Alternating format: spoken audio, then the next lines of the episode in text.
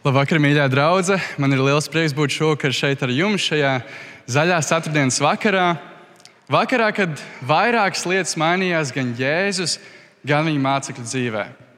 Bet pirms mēs pieķeramies šīm pārmaiņām un pie, pirms mēs pieķeramies šim zaļās ceturtdienas stāstam, es gribu jums uzdot vienu jautājumu, kas cerams arī mūs vēlāk ievedīs iekšā šajā tēmā. Un tas jautājums ir, vai jums kādreiz ir bijis grūti mīlēt? Vai jums kādreiz ir bijis grūti mīlēt cilvēku, viņa rakstura, viņa rīcības, viņa uzvedības, viņa uzskatu dēļ? Vai jums kādreiz ir bijis grūti mīlēt? Mācītājs Matīs pirms trīs nedēļām teica svētrunu ar virsrakstu, kāpēc mīlēt ir grūti. Tātad viņš pat izslēdz jautājumu, vai nolika faktu priekšā un uzdeva jautājumu, kāpēc. Un tā jau ir tā patiesība, ka mums cilvēkiem ar citu cilvēku mīlēšanu reizēm iet ļoti grūti, jo mūsu mīlestība ir pakļauta apstākļiem. Tā ir kondicionāla. Un tāpēc atbildi uz jautājumu, vai jums kādreiz ir bijis grūti mīlēt, visticamāk ir jā, un nevienu reizi vien.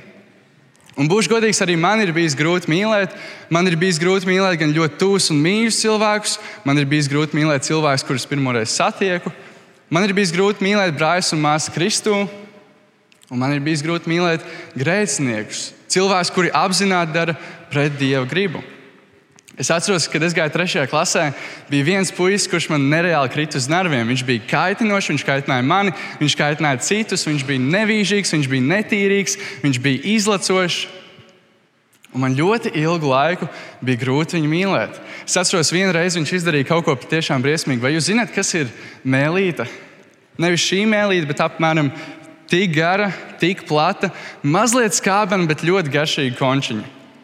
Redziet, vienu reizi es trīs šādas mēlītes nopirku skolas kafejnīcā. Vienu sev, acīm redzot, zinot to, ka vienā dienā kļūšu par jēzus sakotāju, vienu savam draugam. Un trešo es laikam nopirku sev, lai man būtu divas. Tas gan nav tik svarīgi.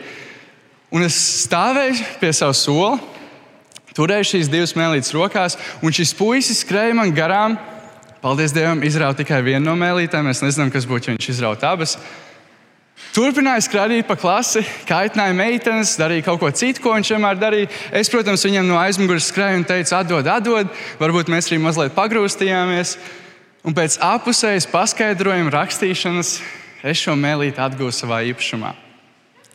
Un, lai arī ļoti muļķīgi, šīs un vēl šādi mazi līdzīgi notikumi man ļoti ilgu laiku, ja nemaldos, līdz pat septītajai klasē, atturēja viņu mīlēt.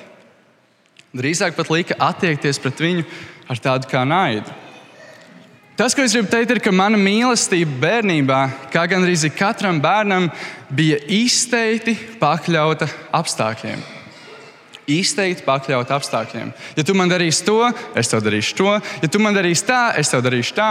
Ja tu man tā, es tev tā. Un arī cik ļoti es gribētu teikt, ka šī mīlestība, šī apstākļiem pakļautā mīlestība ir palikusi manā bērnībā, kaut kādos veidos tā joprojām ir redzama manā dzīvē. Man ir grūti mīlēt, ja kāds neuzklausa manu viedokli, man ir grūti mīlēt, ja kāds nepiekrīt manam viedoklim. Man ir grūti mīlēt, ja kāds neizdara lietas tā, kā es gribu, lai tās tiek izdarītas. Man ir grūti mīlēt, ja cilvēks apzināti dzīvo grēkā, sāpina citus, sāpina Dievu un neieraug to kā problēmu. Tie ir brīži, kuros man joprojām ir grūti mīlēt. Tie ir brīži, kuros man joprojām ir apstākļiem pakļauta mīlestība. Līdz ar to rodas vēlme šo jautājumu padarīt vēl aktuālāku. Jā, mēs gandrīz visi spējam atzīt to, ka mums kādreiz sen, sen atpakaļ ir bijis grūti mīlēt. Bet kā ir šodien? Vai mums šodien ir grūti mīlēt?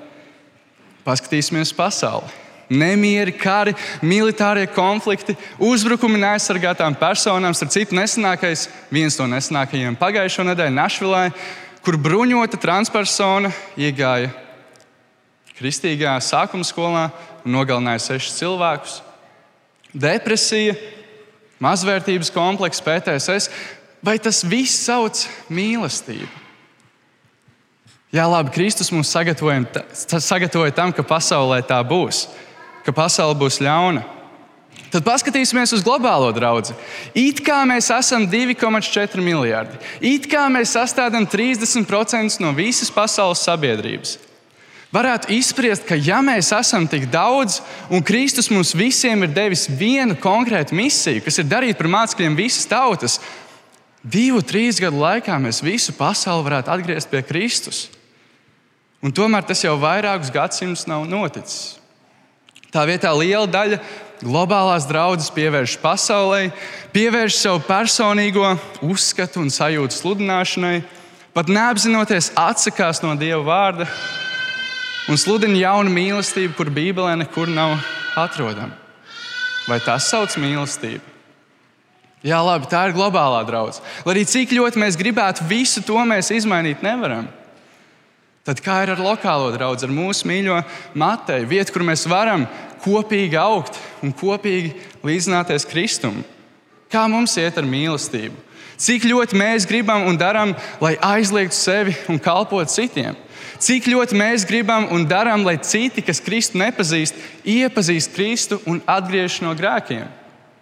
Cik ļoti mēs gribam un cik ļoti mēs darām? Es negribu apgalvot, ka mīlestība nemaz vairs nepastāv, ka viss ir slikti, jo tā nav patiesība. Bet ir jāņem vērā, ka Kristus mums vairāk kārt ir aicinājis mīlēt tā, kā Viņš ir mīlējis. Un tomēr tas tik bieži ir par klupšanas akmeni tik daudziem no mums.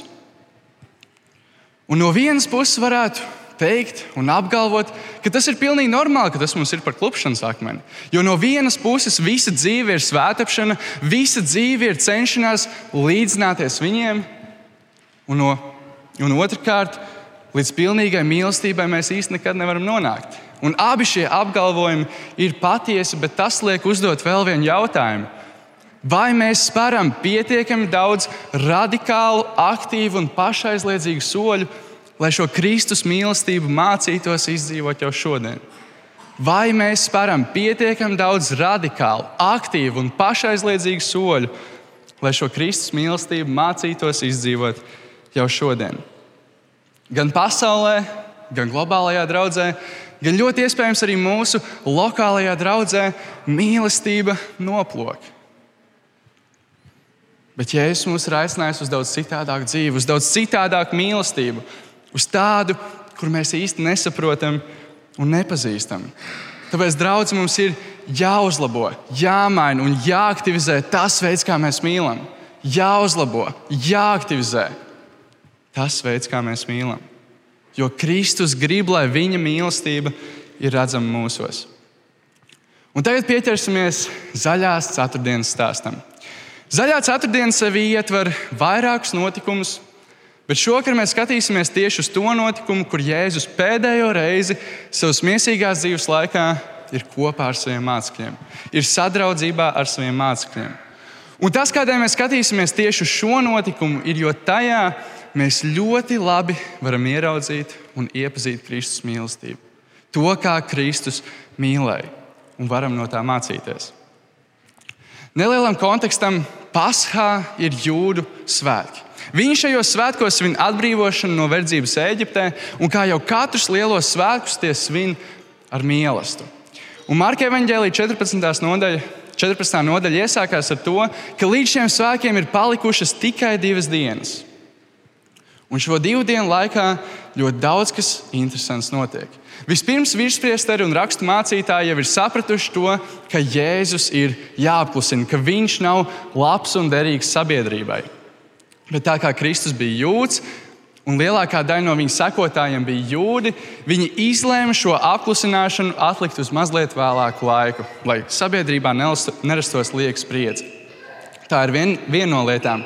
Otra lieta, kas notiek, viens no Jēzus Kristus mācekļiem, Jūda, aiziet pie šiem pašiem virspriesteriem un rakstu mācītājiem un nodod Jēzu par 30 sudraba gabaliem, kas mūsdienās ir apmēram viena minimālā alga.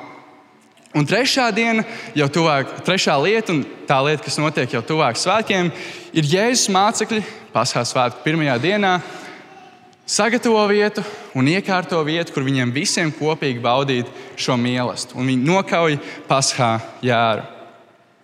Un tagad mēs nonākam Pasхā svētku vakarā, jeb, mūs, jeb mums zaļās ceturtdienas vakarā. Un es gribu, lai mēs vēlreiz kopīgi izējām cauri šim notikumam un ieraugam to, kā Jēzus Kristus mīlēja. Kā viņa mīlestība ir redzama šajā vakarā. Tāpēc lasīsim vēlreiz no Marka Evanģēlīja 14. nodaļas, no 17. līdz 31. pāntam.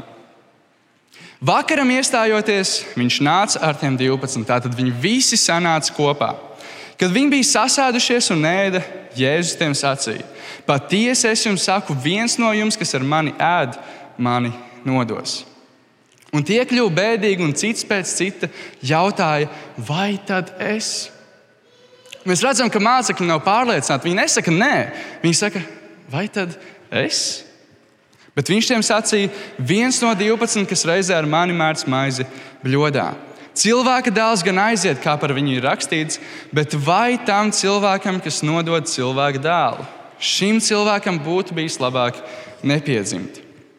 Jēzus viņiem ēdot, ņēma maizi, sveitīja to, lauza un deva tiem sacīdams: Ņemiet, tā ir mana miesa. Viņš ņēma biķeri, pateicās un deva to viņiem, un visi dzēra no tā.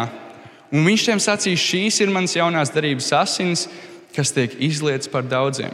Patiesi es jums saku, es vairs nedzeršu no vīna koka augļiem līdz tai dienai, kad es no tiem atkal dzeršu Dieva valstībā. Pateicības dziesmu nodziedājuši, tie devās uz Olīvu kalnu. Un, lai arī šī lielā, skaistā un jaukā sadraudzības daļa beidzās, es gribu ar jums lasīt vēl mazliet uz priekšu. Jēzus tiem sacīja, jūs visi apgrēkosieties, jo ir rakstīts, es ganu sitīšu un nāvis tiks izklīdinātas. Bet pēc tam, kad es augšām celšos, es pirms jums noiešu uz Galileju. Un Pēters viņam sacīja, ja arī visi apgrēkosies, es gan ne. Un, ja es tam sacīju, patiesi es tev saku šodien, šajā naktī, pirms gailas divas reizes dziedās, tu mani trīs reizes nolieksi. Bet Pēters sacīja ar vēl lielāku pārliecību: Pat ja man būtu jāmirst līdz ar tevi, es nekad tevi nenoliekšu. Un tāpat runāja arī vispārējie. Tālāk gan mēs nelasīsim, bet lai mazliet atsveicinātu atmiņu, viņi nonāk Olīvkalnā, viņi nonāk Gedzemanas dārzā, kur Jēzus bailēs lūdz Dievu un aicināja arī mācekļus lūgt, bet viņi aizmiga. Nevienu, ne divas, bet vesels trīs reizes. Tad tajā pašā naktī Jūda, viens no šiem mācekļiem, kopā ar vairākiem Romas sargiem nāca, apcietināja Jēzu un aizveda viņu tiesāt Sinedriju priekšā, jeb Jūda tiesas priekšā. Un Jēzus palika viens pats. Jā, tradīcijā tiek pieņemts, ka, ka viņam sekoja krusta ceļā vēl Jānis, viens no mācekļiem, Jēzus māte Marija un vēl kādas sievietes, bet praktiski Jēzus palika viens pats. Jo jūda, kā viņš pravietoja, viņu nodeva, Pēteris, kā viņš pravietoja, viņu noliedza trīs reizes, un pārējie, kā Jēzus pravietoja, aizlaidās. Būšu godīgs, ir diezgan grūti noraksturot šo vakaru. Tāds saldeni rūkts vakars. Jo no vienas puses viņi ir kopā, viņi ir sadraudzībā, viņi ir kopība, kopībā, viņi ēd, viņi vakariņo. Viņi dzied kādas slavēšanas dziesmas, pateicības dziesmu. Viņi ir līgsmībā, bet no otras puses Jēzus par viņiem pravieto tādas lietas, kuras to vakaru ievada tādā daudz drūmākā un skumjākā noskaņā. Un varētu rasties jautājums, kurš šajos pantos parādās tas izcilais mīlestības piemērs? Kur šajos pantos parādās tā mīlestība, no kuras mums būtu jāmācās? Tā mīlestība parādās tajā, ka Jēzus zināja visu par saviem mācekļiem. Visu, ko viņi darīja, ko viņi dara un ko viņi darīs. Un viņš tik un tā viņus mīlēja. Tik un tā nāca ar viņiem kopā, tik un tā kopā ar viņiem vakariņoja. Jāņem Evanģēlīja autors piefiksē vēl vienu būtisku notikumu šim vakaram. Viņš piefiksē, ka pēc tam, kad mācekļi visu dienu bija gājuši pa to pilsētu un meklējuši to mīlestību, kur gatavot, Jēzus nomazgāja viņu kājas. Viņš zināja visu, un tik un tā viņus mīlēja. Viņš zināja visu, un tik un tā viņiem kalpoja. Viņš zināja visu, un tik un tā kopā ar viņiem vakariņoja. Viņš zināja visu, un tik un tā nomazgāja viņu kājas. Es saprotu, ka pa šiem daudziem gadiem šis stāsts mums ir kļuvis tik nolietots, pierasts un pašsaprotams, bet nekā pašsaprotama tajā vakarā nenotiek. Padomājiet, Jēzus, Dieva dēls, kungu kungs, ķēniņš, ķēniņš, pilnīgs, šķīsts, bezgrēcīgs. Mīl un kalpo saviem nepilnīgajiem, nešķīstajiem un grēcīgajiem mācekļiem. Jēzus, Dieva dēls, kungu kungs, ķēniņš, ķēniņš, pilnīgs, šķīsts, bezgrēcīgs. Mīl un kalpo saviem nepilnīgajiem, nešķīstajiem un grēcīgajiem mācekļiem. Nekā pašsaprotama tajā nav, bet Jēzus tik un tā to dara. Viņš ir kopā, viņš vakariņo un viņš mīl. Tas ir īsts un patiess apliecinājums visam tam, ko Jēzus savas dzīves laikā sludināja.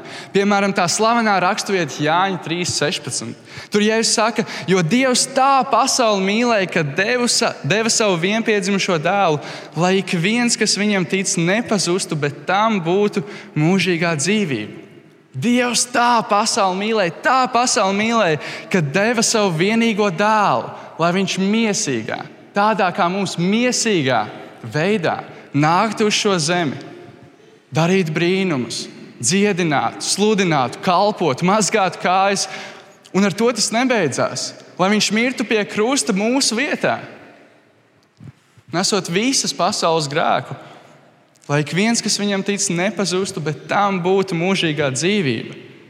Tik ļoti Dievs mīlēja Bieži vien mēs nespējam aptvert to, kāda pazemība un mīlestība tā ir no Dieva, ka Viņš tik daudz izdara mūsu katru dēļ. Un atcerieties, kad es jums uzdevu to jautājumu, vai mums šodien ir grūti mīlēt. Spekulācijai ieliksim sevi tajā situācijā. Mēs esam telpā ar 12 cilvēkiem. It kā visi no viņiem ir mūsu draugi, un tomēr pēc dažām stundām Viens no viņiem mūs nodos nomirt mokošā nāvē. Viens no viņiem, varētu teikt, vistuvākais draugs, kad viņam pajautās, vai viņš mūs pazīst un vai viņš ir bijis kopā ar mums, pateiks, ka ah, nesmu. Un pārējie aizlaidīsies prom.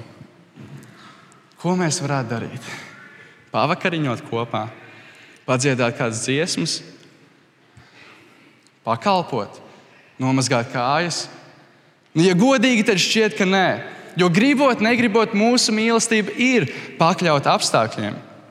Tas, ko mēs cilvēciski gribētu darīt, ir novērsties, noslēgties un notiesāt.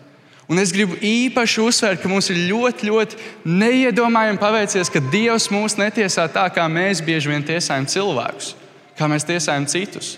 Mums ir neiedomājami paveicies, ka Dievs mūs nemīl tā, kā mēs bieži vien mīlam viens otru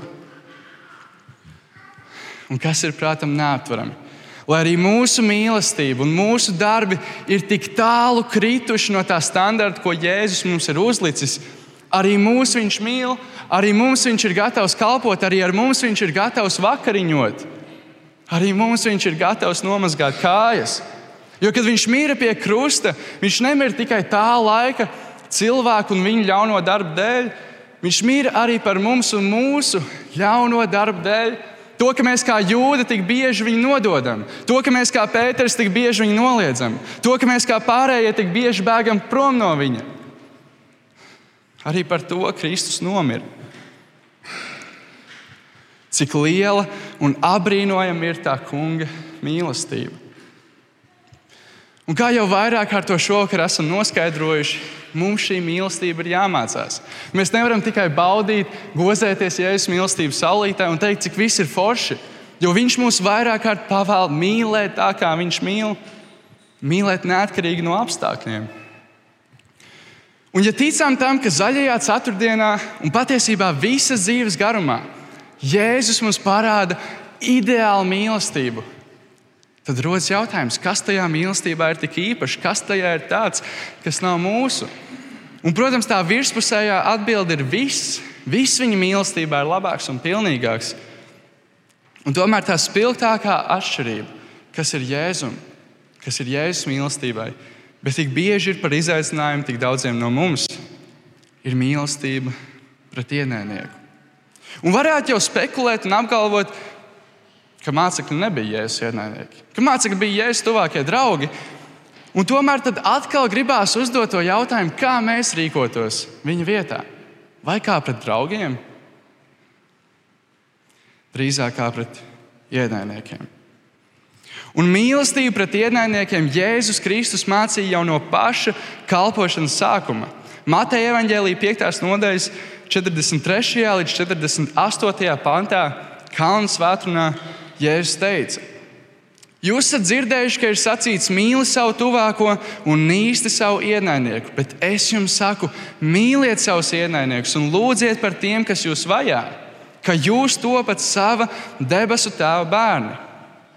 Jo viņš liek saulē uzliet pār ļauniem un labiem, un lietum līt pār taisniem un netaisniem.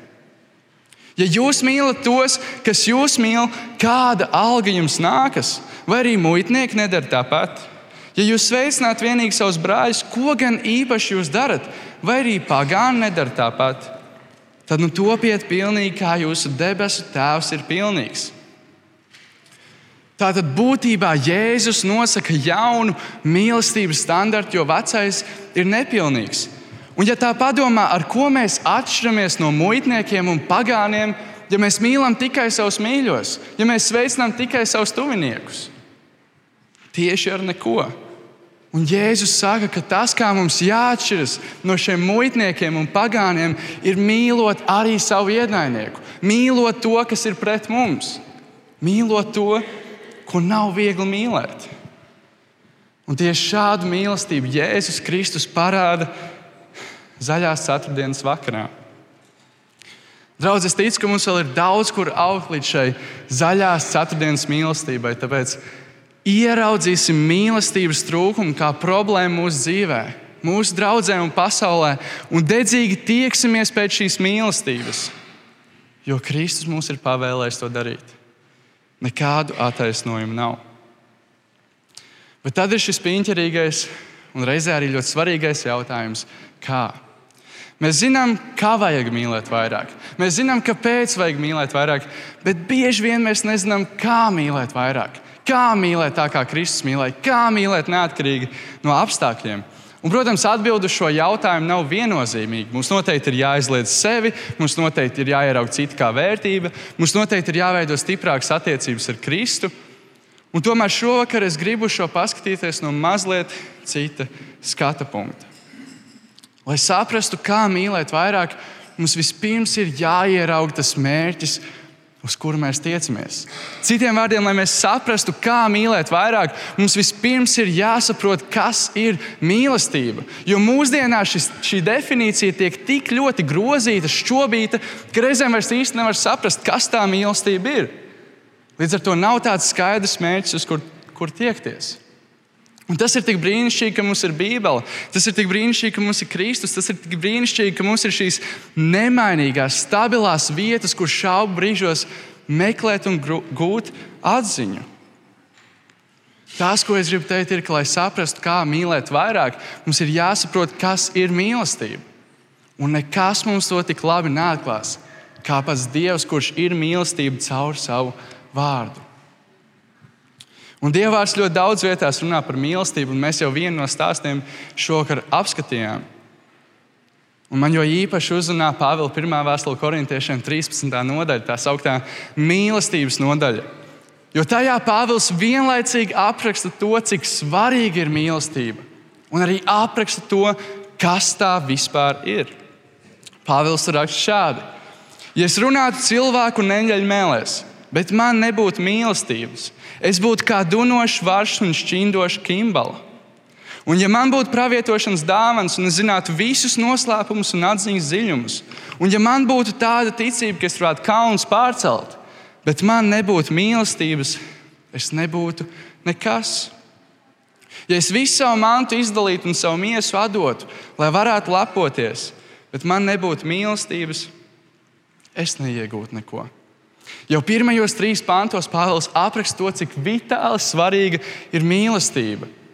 Viņš saka, ka ja viņam varētu būt visas skaistās lietas, bet ja viņam nebūtu mīlestības, viņam nebūtu nekas. Mīļie, ja Pāvilam, lielākajam pirmā gadsimta draugu dibinātājam, autoram trešdaļai jaunās derības, bez mīlestības nebūtu nekas, kur, kur nu vēl mums? Bez mīlestības mēs neesam nekas banāli. Bet tas ir banāli tikai tāpēc, ka tā ir globāla patiesība. Bez mīlestības mēs neesam nekas. Un turpināsim lasīt, jo tieši nākamajos pantos Pāvils apraksta to, kāda ir mīlestība. Mīlestība ir pacietīga, mīlestība ir labvēlīga, tā nav greizsirdīga, mīlestība nelielās, tā nav uzpūtīga, tā nav nepiedienīga, nemeklē savu pašas labumu, neskaišas, nepiemin ļaunu. Tā nepriecājas par netaisnību, bet priecājas par patiesību. Tā panes visu un uzticas visam. Tā cer uz visu un iztur visu. Mīlestība nekad nebeidzas. Praviešu dāvāns izsīks, mēls norims un atziņa zudīs. Jo nepilnīga ir mūsu izpratne un nepilnīga ir mūsu pravietošana. Lai saprastu, kā vairāk mīlēt, mums atkal un atkal ir jāsaprot, kas ir mīlestība. Un nekas to tik labi neatklās kā Dievs, kurš pats ir mīlestība caur savu vārdu. Mīļie, tas, ko es gribu pamudināt jūs darīt, ir daudz biežāk un aktīvāk studēt tās raksturvietas, kas runā par mīlestību. Jo tik bieži mēs izvēlamies strīdēties, diskutēt par tiem jautājumiem, kas nav glābšanas jautājumi. Protams, arī tie ir labi un noderīgi mūsu atziņas celšanai, un tomēr tie nav glābšanas jautājumi. Turpretī mīlestība ir. Gan mīlestība pret Dievu, gan mīlestība pret cilvēkiem ir glābšanas jautājumi. Un mums daudz biežāk un aktīvāk ir jāpēta tie.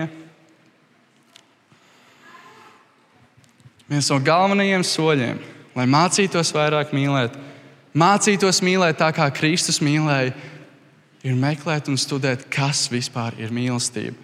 Jo, jo, ja mēs nezināsim mērķi, kurā trāpīt, ticiet vai nē, mēs visticamāk tajā netrāpīsim. Zaļā ceturtdiena ir tikai viens no daudziem Bībeles stāstiem, kurā mēs varam mācīties un iepazīt mīlestību. Un tomēr tas tik spilgti mums parāda, kāda bija Jēzus Kristus mīlestība uz cilvēkiem un kāda joprojām ir Jēzus Kristus mīlestība uz cilvēkiem. Bet šī mīlestība ir ne tikai jābauda, šī mīlestība ir arī jādod. Jo Jāņa Evangelija 13. nodaļas 35. pāntā Jēzus saka, ka Ja jums būs mīlestība savā starpā, visi zinās, ka jūs esat mani mācekļi. Draudz, ļoti iespējams, ka mūsu mīlestība būs vienīgā liecība neticīgam cilvēkam par to, kāda ir Kristus mīlestība. Tāpēc aktīvi strādāsim pie tā, lai uzlabotu šo mīlestību. Vispirms saprotot, kas tā ir. Un darīsim to caur rakstiem. Jaunieši zina, ka man ļoti patīk uzrunas noslēgt ar kādu spēcīgu raksturvietu. Un, lai arī Bībelē ir ļoti daudz raksturvietas par mīlestību, laikam labāk šim vakaram es piemeklēt nevarēju. Vakaram iestājoties, viņš nāca ar tiem 12. Zinot visu, ko viņi darīs, zinot visu, kas ir viņu sirdīs, vakaram iestājoties, viņš nāca ar tiem 12.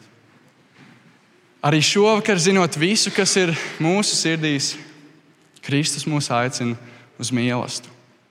Mīļie, sagatavosim savu sirds vakarēdienam, atgādinot sev to, kā Dievs caur Jēzu izlēja savu mīlestību pār mums, un arī domājot par to, kā mēs šo mīlestību varam tālāk izliet pār citiem. Amen. Es aicinu, ka mēs varam lūgt. Debes Tēvs, Tev pateicos par šo vakaru. Pateicos, ka mēs varam būt šeit, Tavā namā varam domāt par tevi, Kristu. Un es lūdzu, ka tu piedod mums to, ka tik bieži mēs esam krituši ārpus tā tava standarta, ārpus tā mērķa, ko tu mums esi nolicis, Tēvs. Tiešām piedod, Tēvs, ka mēs nespējam mīlēt tā, kā tu esi mīlējis, un piedod mums to. Un Tēvs reizē arī māci mums šo mīlestību. Māci mums ieraudzīt iespējas, kurās mums vajadzētu vairāk mīlēt, situācijas, kurās kurās aizliegt sevi un mīlēt, kā tu esi mīlējis. Tiešām tās pateicība par visu, ko tu esi darījis šajā krustceļā. Un pateicība par to, ka tu esi parādījis mums ideālu mīlestību caur Kristu. Es lūdzu, Tēvs, māci mums mīlēt, kā tu esi mīlējis mūs. To visu es lūdzu Tev dāvā Jēzus Kristus vārdā. Amen.